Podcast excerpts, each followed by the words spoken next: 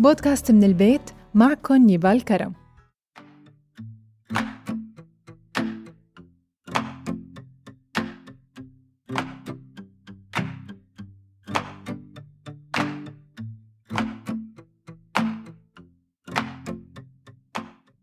مرحبا. الزواج. المعضلة الاجتماعية الدائمة يلي الناس متقاسمة الآراء حولها. لقسم رابط حياته كلها فيها وبما بعدها وقسم بخاف منها خوف كبير ما في حل وسط؟ ليش الخوف؟ ليش هو هالقد مهم؟ برأيي هذا السبب هو مصطلح التكافؤ وجهلنا بهذا المفهوم هو سبب خوفنا منه زائد الحالات الغلط يلي عم نشوفها كل يوم وكل ساعة طيب شو هو الزواج المتكافئ والغير متكافئ؟ شو مفهومه؟ شو أهميته؟ شو سلبياته وإيجابياته؟ كيف بيأثر على الحياة المشتركة؟ شو الحلول الصح لحتى نحصل على شراكة حقيقية بالزواج ونوصل للسعادة؟ هذا موضوع حلقتنا لليوم خلونا نبدأ.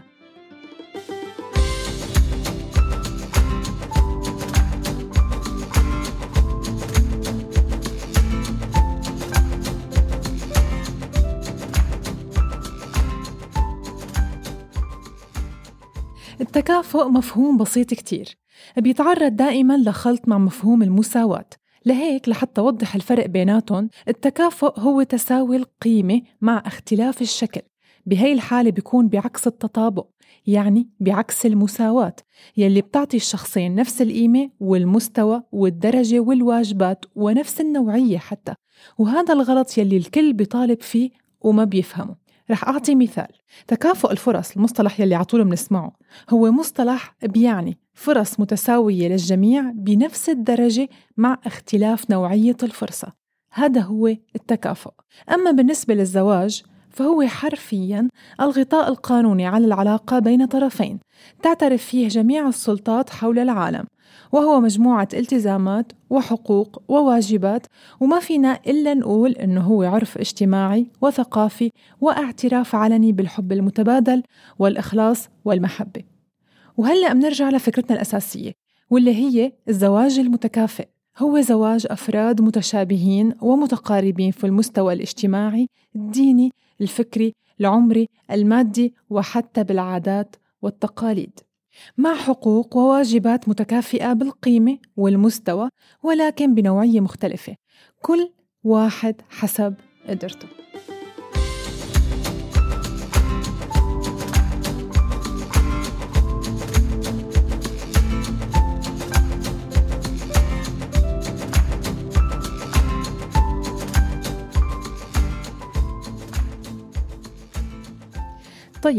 دائما بنسمع الشباب والصبايا بأول العلاقة بنسمع كلمة نحن ما بنشبه بعض ومبسوطين باختلافنا.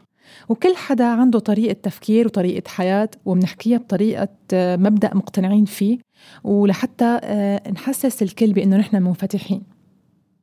وبعدين للأسف بتصير الأذية النفسية للطرفين بسبب هي الاختلافات. وإذا استمرت العلاقة منشوف مشاكل كتير بسببها بسبب محاولة كل شخص إنه يغير الشخص التاني ويفرض عليه يغير عاداته وأفكاره وحياته يلي كان هو معجب فيها. لهيك خلوني أخبركم بأنه حسب علم العلاقات في دراسة بتقول إنه الانجذاب بين المتضادات خرافي نحن مننعجب بالأشخاص يلي عندهم نفس أفكارنا وشخصياتنا واهتماماتنا وأفكارنا عن المستقبل. لحتى نشعر بالتوافق والأمان والتناغم. لازم نعترف ونكون صريحين. بكفي ناخد شخص ونعمله على قياسنا. نحن لا شعوريا لما منكون ناضجين مننجذب للأشخاص يلي بيشبهوا روحنا وبيكون في بيننا توافق أخلاقي عمري صحي نفسي وفكري. وهذا النضوج هو يلي بيسمح لنا بعد الزواج وبزيادة معرفتنا بشركاء حياتنا نحاول نوازن بين اللي بدنا إياه واللي بده إياه الشريك لحتى نوصل لتكافؤ حتى لو كان خفيف.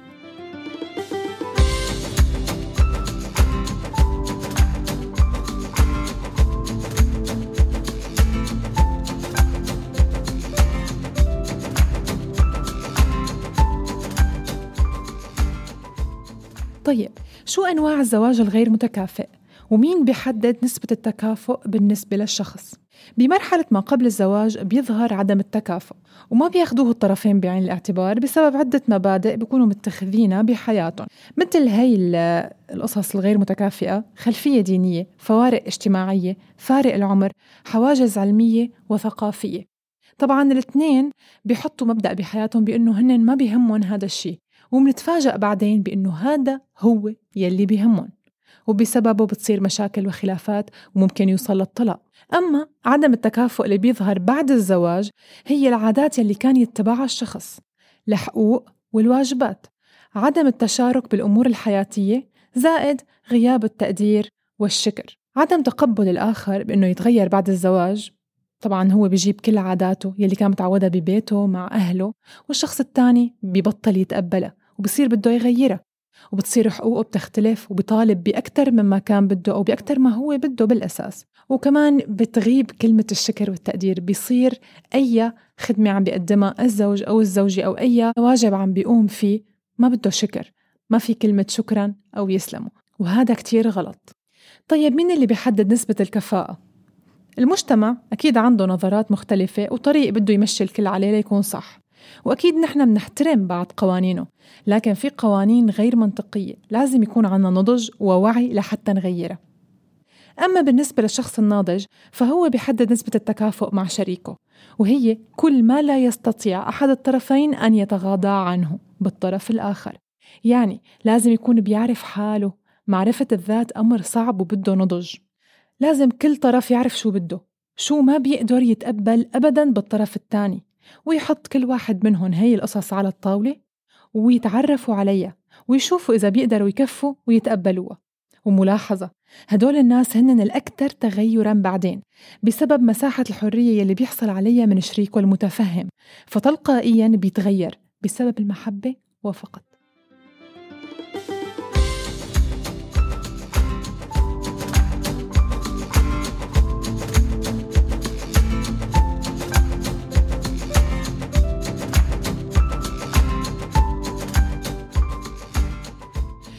بيأثر عدم التكافؤ على الحياة المشتركة سلبياً؟ وجود عدم التكافؤ بين الطرفين مثلا بتفاوت مستوى الالتزام الأخلاقي المستوى المادي السابق للطرفين انخفاض الوعي الأسري والثقافي التفاوت بالمستوى الثقافي اختلاف الواقع عن تصوراتهن بعد الزواج. والتباين الأسري يعني بتكون كل بيئة أسرة بتختلف عن البيئة الثانية زائد وجود ضعف الشخصية الغيرة السيطرة وكثرة الضغوط النفسية. كل هاد بيسبب ردود نفسية بتترجم لسلوك وبتوصل لحد الانتقام للكرامة والكبرياء. يمكن تكون الأمور كتير تافهة وبسيطة لكن بتنفجر وبتسبب صدمات كبيرة. وكتير من الأحيان بتفشل الأمور إنه ترجع لمكانها الطبيعي. وإذا نجحت ورجعت بعد فترة بتنهار.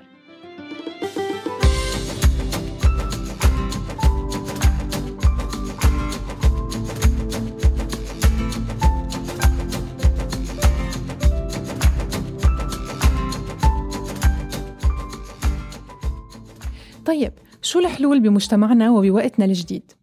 حسب تجارب الناس أهم حل إنه يصير تعارف واعي قبل الزواج.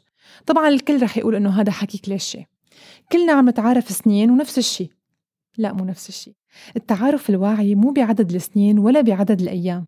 هذا ذكاء الموقف ذكاء الطرفين ونضج الطرفين. موقف واحد بس كفيل يكشف الشخص يلي قدامك شو هو. وغير هيك إذا ما قدرت تشوف معناتها في مشاعر بداخلك خلتك ما تشوف الغلط لأنك معجب بهذا الشخص. إعجاب غير واعي. اثنين لازم نعرف ميول وطباع ومزاج الشخصين. ثلاثة. لازم نتحمل المسؤولية والمسؤولية مصطلح كتير كبير. لازم فعلا نفهمه لحتى نعرف شو يعني نتحمل مسؤولية الزواج. أربعة التكافؤ بالأمور يلي مستحيل يتخلى عنها الشخص. مثل ما ذكرت قبل لازم نعرف شو بنقدر نحن نتحمل وشو ما بنقدر ويكون كل شيء واضح قدامنا. خمسة التكافؤ النفسي والعقلي. ستة المرونة وتجاوز المشاكل والتضحية مهم كتير لنجاح الزواج. سبعة. أهل الطرفين تقبلهم تعرف عليهم لأنه زواج بين أسرتين. وأخيرا بناء منزل قوي هو صنع شريكين في القرار والعمل ورؤية مستقبل واحد بيجمعهم بنفس الصورة. وبيوم من الأيام الكل رح يمشي الكبار والصغار ورح يبقى حدك شريك حياتك. يعني الشريك أهم خطوة ممكن تختارها بحياتك. فركز وانتبه.